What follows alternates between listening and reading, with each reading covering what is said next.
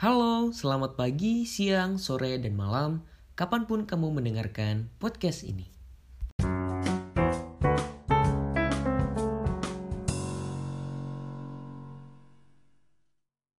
Kapan kamu terakhir kali patah hati? Kemarin, bulan lalu, minggu lalu, atau tahun lalu? Gak apa-apa, kan patah hati itu gak selalu tentang uh, ditolak ya.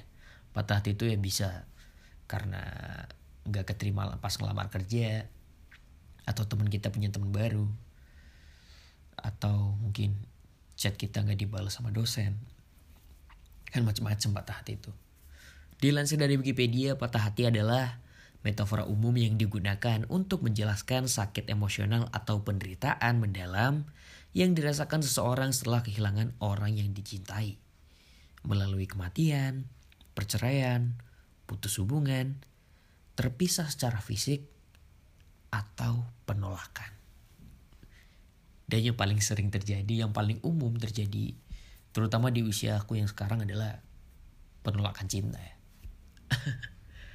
Iya mungkin banyak juga teman-temanku yang ditolak pas ngelamar kerja, tapi kan penolakan cinta adalah hal yang paling sering terjadi di umur 20-an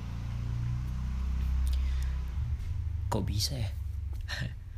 Patah hati itu jadi fase yang paling gak enak yang pernah dialami manusia kayaknya.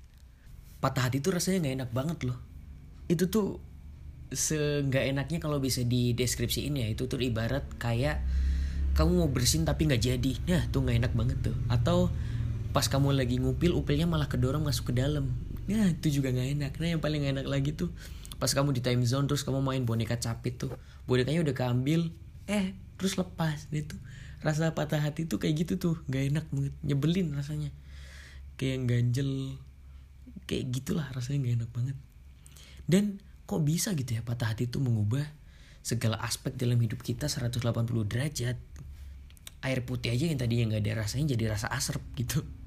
Terus uh, kayak tadinya yang kita lagi muter lagu terus kita nikmatin musiknya tiba-tiba kita jadi mendalami lirik lagunya karena itu relate sama apa yang kita alami.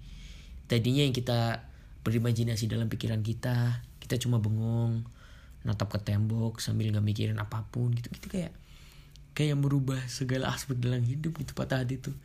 Yang tadi seneng jadi bawanya malas ngapa-ngapain kayak pengennya ya udahlah nggak tahu mau ngapain. Mau tiduran malas mau duduk malas mau ini malas mau itu malas se semenyebalkan itu dan seberpengaruh itu ternyata patah hati ya dalam kehidupan kita. Dan kalau ditanya apa sih penyebab patah hati? Mungkin menurutku pribadi ya, ini menurut pendapatku pribadi sih boleh setuju boleh enggak. Tapi penyebab patah hati adalah karena kita menaruh ekspektasi yang terlalu tinggi kepada seseorang. Makanya pas orang itu gak melakukan sesuatu yang sesuai dengan ekspektasi kita, kita jadi kecewa.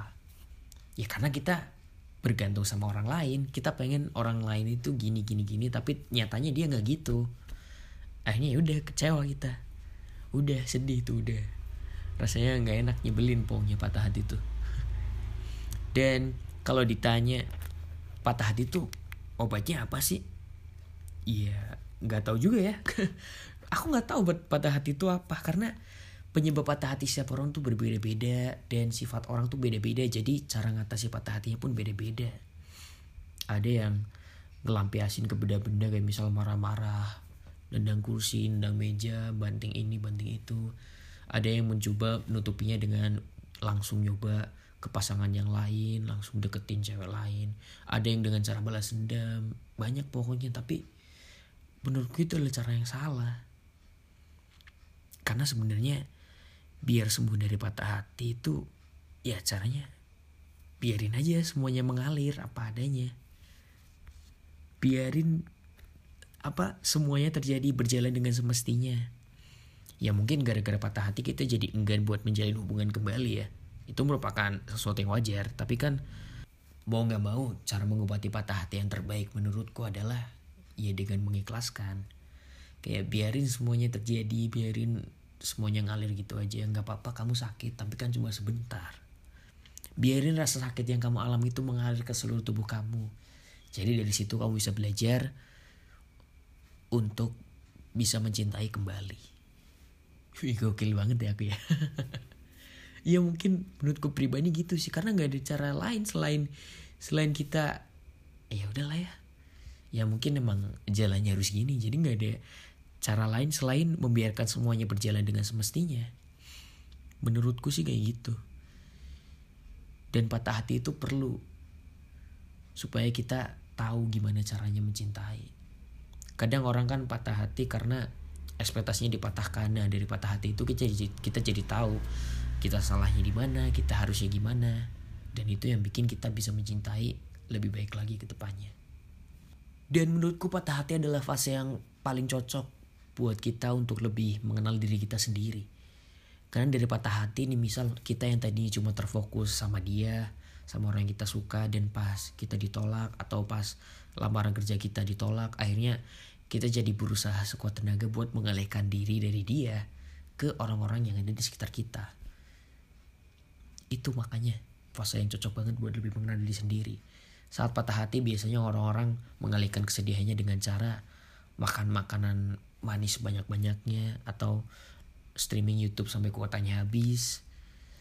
Atau mungkin begadang main sama temen biar nggak keinget lagi sama hal kesedihan dan itu cocok buat kita supaya lebih mengenal diri kita sendiri. Buat kita introspeksi buat kita belajar supaya ke depannya nggak terjadi hal yang sama. Dan banyak orang nggak tahu padahal sakit hati dan cinta itu satu paket. Mereka tuh udah satu kesatuan yang nggak bisa dipisahkan. Kayak uh, ayam KFC sama kulitnya kayak motor sama helm kayak mobil sama rodanya itu tuh udah satu kesatuan yang nggak bisa dipisahkan.